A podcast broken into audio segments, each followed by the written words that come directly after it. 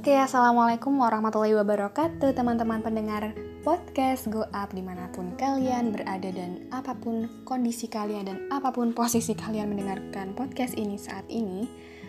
Jadi, Alhamdulillah kita udah masuk kepada Ramadan pekan ketiga gitu ya. Dan apa kabar kalian? Semoga masih dalam keadaan sehat walafiat. Oke, amin. Oke teman-teman, jadi di episode ke-9 kali ini aku akan nge-review lagi nih, nge-review lagi tentang Ramadan A Beginning You.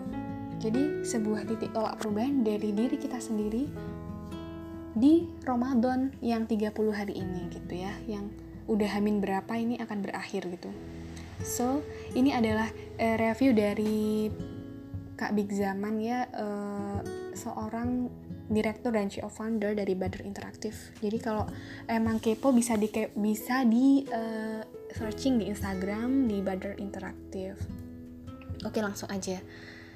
Kali ini kita bakalan ngebahas tentang uh, rumus sebuah perubahan dalam diri kita sendiri bisa biar bisa menjadi a beginning you gitu ya di bulan Ramadan ini. Oke, sebelumnya ini adalah sebuah trigger aja, sebuah pemantik aja buat teman-teman semua yang mendengarkan podcast ini untuk kita bisa menemukan titik balik perubahan kita gitu. Oke, jadi rumus kita pada kali ini adalah rumus perubahan, rumus change. Ini adalah dissatisfaction. Dikali vision and dikali first step. Maksudnya di sini adalah dissatisfaction.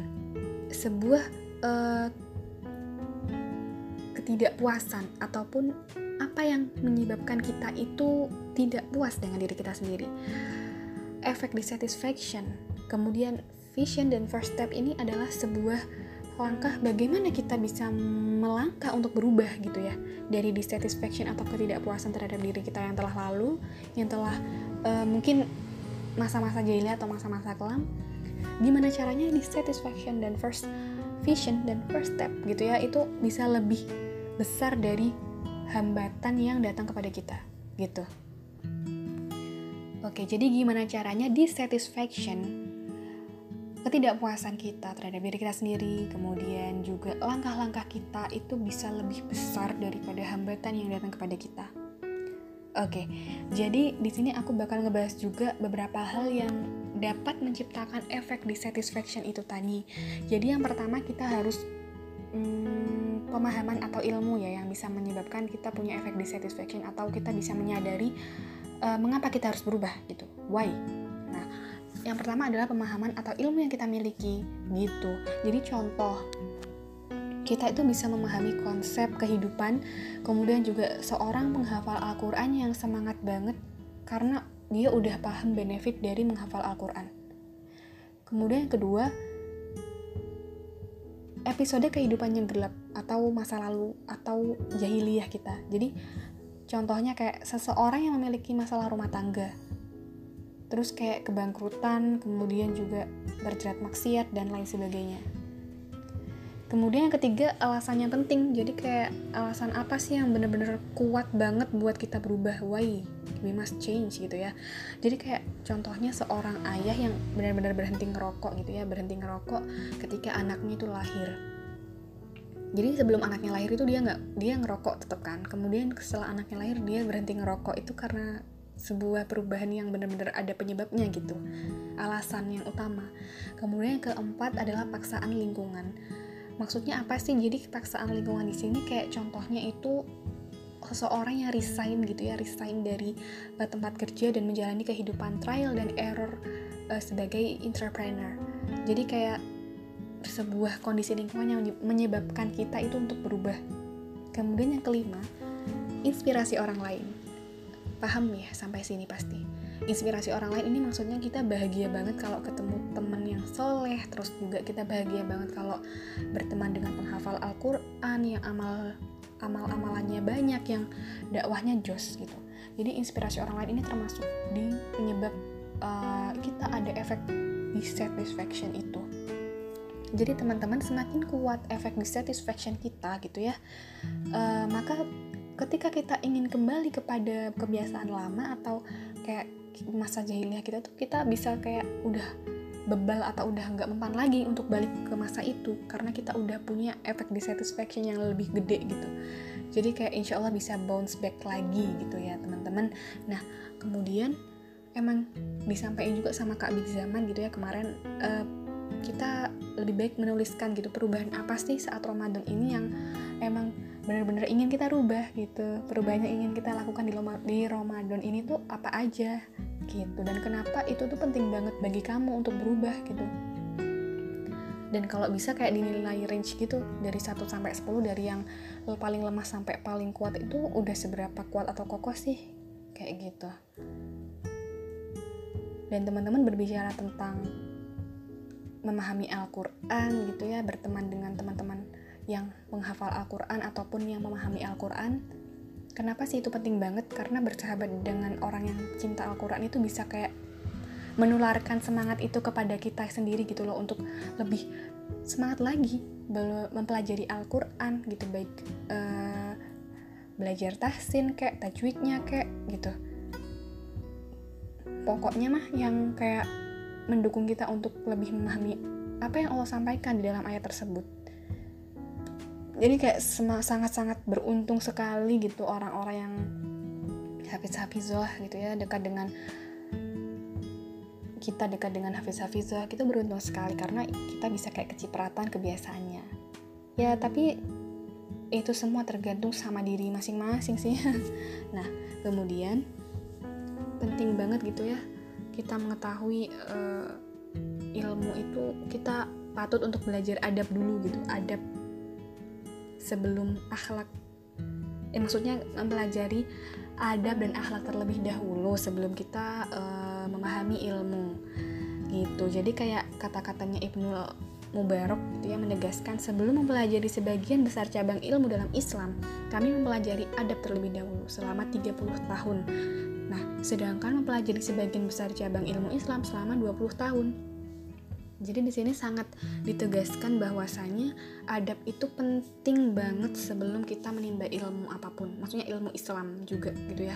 Ilmu Islam tentunya yang kita dahulukan. Maksudnya yang kita benar-benar berkomitmen untuk memprioritaskan. Jadi kita perlu banget untuk belajar adab terlebih dahulu.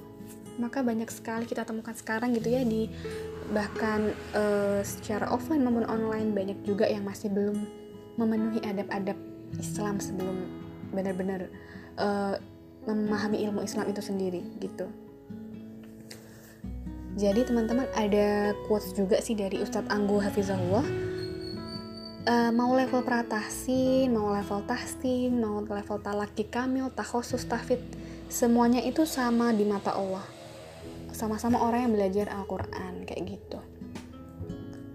Jadi alangkah indahnya ketika kita itu bisa menemukan uh, titik balik perubahan kita berdasarkan Al-Quran gitu ya teman-teman. Jadi kata Kak Muhaimin Iqbal ketika kedua mata saya tidak bisa melihat saya menangis karena saya baru menyadari betapa mengharganya, berharganya hafalan Al-Quran saya yang sedikit itu ketika saya tidak lagi bisa melihat. Jadi uh, ada quotes juga dari Pak Muhaimin Iqbal bahwa kita uh, harus benar-benar bisa belajar Al-Quran, mempelajari dan mengamalkan dan juga menghafalkannya. Jadi nggak ada kata terlambat gitu ya, stay strong dan stay hamasa aja untuk tetap ber menghafal Al-Quran dan mengajarkan serta mengamalkan gitu. Jadi nggak ada kata nyerah sih, nggak ada kata berhenti. Semangat guys. Penting banget juga kita bisa gimana caranya abandoning itu lebih berarti kita juga uh, di tengah era digitalisasi gitu ya, uh, era 4.0 memfilter informasi tentunya. Informasi-informasi apa sih yang harus kita serap dan informasi-informasi apa yang harus kita buang dan kita singkirkan gitu. Kayak misalnya followers kita banyak banget gitu kan, terus kita kayak lebih memfilter lagi tuh harusnya. Kalau pesan yang disampaikan di zaman kemarin sih lebih uh, kayak ngefollow info, akun-akun informasi yang kayak bermanfaat gitu kayak Quran review ataupun uh, Cordova Media gitu kan. Maksudnya akun-akun yang benar-benar memberikan kita wawasan dan memberikan kita sakofa dan memberikan kita insight baru gitu tentang Al-Quran dan tentang eh, kejadian-kejadian yang relate dengan Al-Quran kayak gitu teman-teman. Kemudian juga di sini dibahas juga sih kayak kita tuh perlu banget guys punya cita-cita. Punya cita-cita yang pertama adalah menerapkan uh, Byakugan dalam sholat. Jadi ini Byakugan ini pasti kalau Naruto lovers pasti ngerti. Di sini adalah kayak sebuah penerawangan yang benar-benar bisa memaknai apa yang Allah sampaikan di dalam Al-Quran di dalam ayat-ayat Allah gitu. Jadi kayak sholat itu kita bisa khusyuk banget gitu. Itu karena kita ngerti gitu kan maknanya. Kemudian cita-cita yang kedua juga uh, membaca pesan Allah dalam setiap kejadian kita. Jadi kan sudah ada ya di dalam surat al-jumu'ah gitu ayat 10 fantashiru fil art potongan ayatnya itu fantashiru fil art jadi kayak bertebaranlah kamu di muka bumi gitu bertebaran untuk apa? Kenapa Allah memerintahkan untuk kita bertebaran di muka bumi? Ya untuk kita mencari sign atau mencari kode-kode yang Allah kasih di muka bumi ini. Membaca pesan cinta lebih tepatnya dalam setiap kejadian kayak gitu. Kemudian ultimate goal kita itu apa sih? Ya stay connected with Allah. Jadi kayak kita lebih uh, tenang gitu kan hidupnya karena kita tuh lebih uh, punya Allah yang udah terkoneksi dengan hati kita, dengan perilaku kita dan dengan kegiatan kita sehari-hari. Jadi itu ultimate goal sih. Gitu. Jadi teman-teman, Ramadan ini itu dijadikan sebagai mari kita jadikan sebagai sebuah uh, Ramadan yang berkesan karena kita harus maraton gitu ya. Kita harus melakukan maraton karena apa? Karena kita harus lebih bisa berubah dong dari Ramadan Ramadan Ramadan yang lalu gitu. Kayak misalnya hatamnya kemarin tuh sekali kemudian kita juga sekarang targetin dong dua kali hatam kayak gitu. Ya seenggaknya kita bisa berikhtiar untuk menghatamkan dua kali gitu Al-Quran. Nah tipsnya apa sih? Ya udah ngajak temen yang seperjuangan gitu buat menghatamkan Al-Quran ataupun beribadah beribadah lainnya yang bisa memotivasi kita untuk tetap berubah gitu berubah a beginning you tadi. Kita butuh teman guys. Gitu. Jadi kita bener-bener butuh teman. Karena apa? Eman banget kalau 30 hari Ramadan ini kita cuman uh, dapat lapar aus gitu ya dan nggak dapat faedahnya sama sekali dan nggak dapat berkahnya gitu. Jadi kita kembalikan kepada niat kita kemudian juga kita harus punya cita-cita kemudian kita juga harus berubah dan ngerti apa sih titik tolak yang harus kita rubah apa sih titik yang harus kita rubah dalam diri kita gitu teman-teman. Gitu. Dan yang terpenting itu action. Gimana caranya kita bisa mengactionkan langkah-langkah kita? Jadi nggak hanya sebuah wacana belaka dan rencana-rencana yang tidak terkondisikan dan tidak teractionkan gitu ya.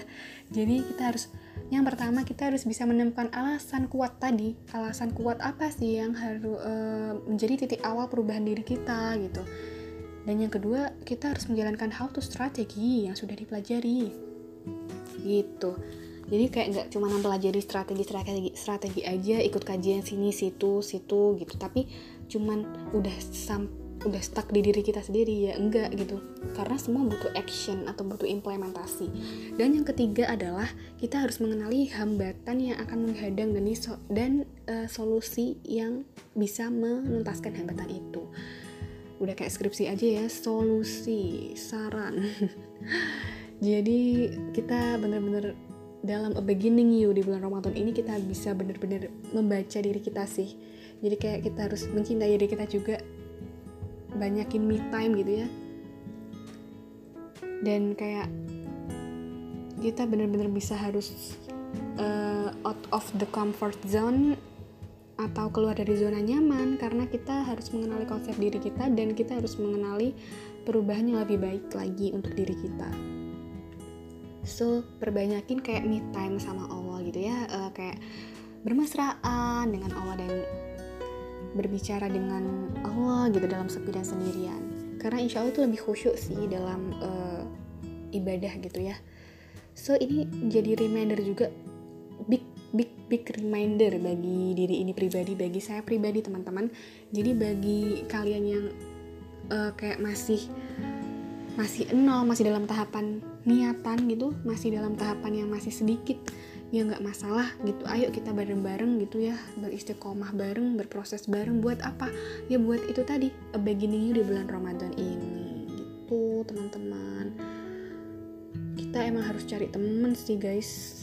Karena kalau kita sendirian tuh agak banyak godaan dan berat banget gitu ya. Agak banyak godaan sana sini gitu ya. Kayak futur terus juga males. Lihat kasur maunya uh, tidur gitu ya turu ay abis sahur turu gitu. Jadi gimana caranya tuh? Kayak misalnya kebiasaan kita abis sahur tidur ya udah kita rubah itu kita rubah kebiasaan itu di bulan Ramadan ini. Kemudian juga kita jadikan itu kebiasaan atau habit kita agar setelah Ramadan kita bisa terbiasa gitu ya teman-teman. Iya, insya Allah itu sih yang uh, review yang bisa aku sampaikan dari Kak Big Zaman yang masya Allah sekali penyampaiannya terhadap uh, reminder gitu ya, menjadi reminder atau tamparan keras bagi diri kita sebagai seorang pemuda ataupun yang masih belajar untuk berproses dan mengenali diri. Jadi perbanyak me time itu tadi, kemudian juga tetap kita harus bisa mengenali diri kita dengan apa? Dengan Al-Qur'an itu tadi. Gitu. Jadi kayak ya udahlah ketika kita udah belajar Al-Quran ya jangan nyerah gitu aja gitu kemudian ke, kemudian nggak hafalan lagi gitu kan. Biasanya kan kayak uh, mandek gitu ya karena udah uh, hafalan di mana di pondok misalnya terus keluar keluar itu udah kayak ya udah aku udah keluar aku udah hafal terus kayak nggak dimurojaah lagi itu jangan ya teman-teman. Karena jujur itu bener-bener penting banget buat uh, bekal kita gitu ya. Orang tua mana sih yang nggak senang gitu? Anak mana sih yang nggak senang punya uh, anak hafal Quran punya teman hafal Quran gitu ya. Jadi jadikan diri kita sebagai long life learner Quran gitu ya teman-teman.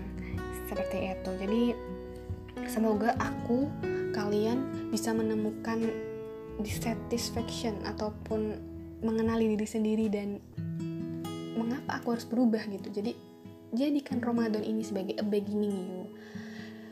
Jadi kamu yang baru gitu. Jadi membuka lembaran baru di Ramadan ini gitu. So that's all untuk episode kali ini semoga bermanfaat dan semoga bisa dicerna dengan baik ini sebagai tamparan juga buat aku pribadi dan juga buat kalian semuanya ini semata-mata hanyalah untuk saling mengingatkan dan memberikan reminder oke okay? stay tune di podcast Go Up dan semoga istiqomah sampai akhir hayat So stay tuned.